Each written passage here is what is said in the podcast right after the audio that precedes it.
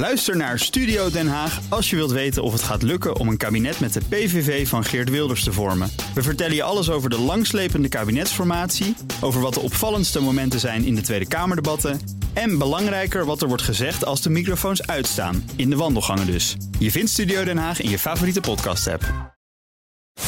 De column van Marianne Zwagerman.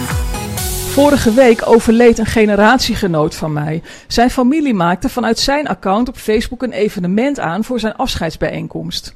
Zo leek het net of de overleden Facebook-vriend mij persoonlijk uitnodigde voor zijn eigen uitvaart. Creepy, maar ook wel efficiënt. Op zijn account was het weer even zoals in 2009. Warmte, liefde, foto's en herinneringen. Dingen die we tegenwoordig op WhatsApp delen. Al lang niet meer op Facebook. En toch zitten we massaler dan ooit op Facebook. Ja, ook de jongeren nog steeds, bleek weer uit een recent onderzoek. Facebook is een nutsvoorziening geworden. Allerlei accounts zijn eraan gekoppeld, je kunt niet eens meer weg. Door de opkomst van Twitter en Facebook zijn media totaal gedemocratiseerd, roep ik altijd. Iedereen heeft nu zijn eigen podium en kan gehoord worden. Maar hoe is het dan toch mogelijk dat we elkaar minder lijken te begrijpen dan ooit? Kunnen media en de politiek dan echt geen manier vinden om die democratische media goed te gebruiken en te horen wat er dwars zit bij hun kiezers, kijkers en lezers? Dat referendum heeft toch nog een keer aangetoond dat je met dat internet best wat voor elkaar kunt krijgen. Ik volg zelf zo'n Facebookgroep van bezorgde burgers in Hilversum die minder asielzoekers willen.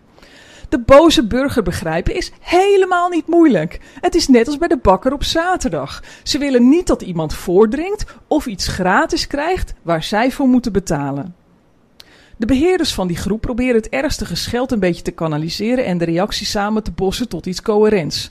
Maar toen ze vorige week op een inspreekavond bij de gemeente een reactie wilden komen geven, kregen ze vijf minuten spreektijd. Vijf! Een groep die 6500 leden heeft dan heb je de mogelijkheid om met 6500 burgers in contact te komen en dan pak je hem niet.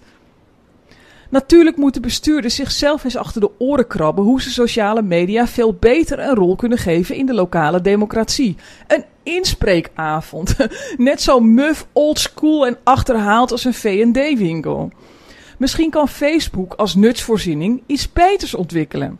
Ze hebben de nagedachtenisfunctie al gebouwd en de meld je veilig bij rampenfunctie. Misschien kunnen ze in plaats van alleen maar achter geld aan te jagen en mensensmokkelaars te faciliteren, ook nog iets nuttigs bijdragen aan de democratie.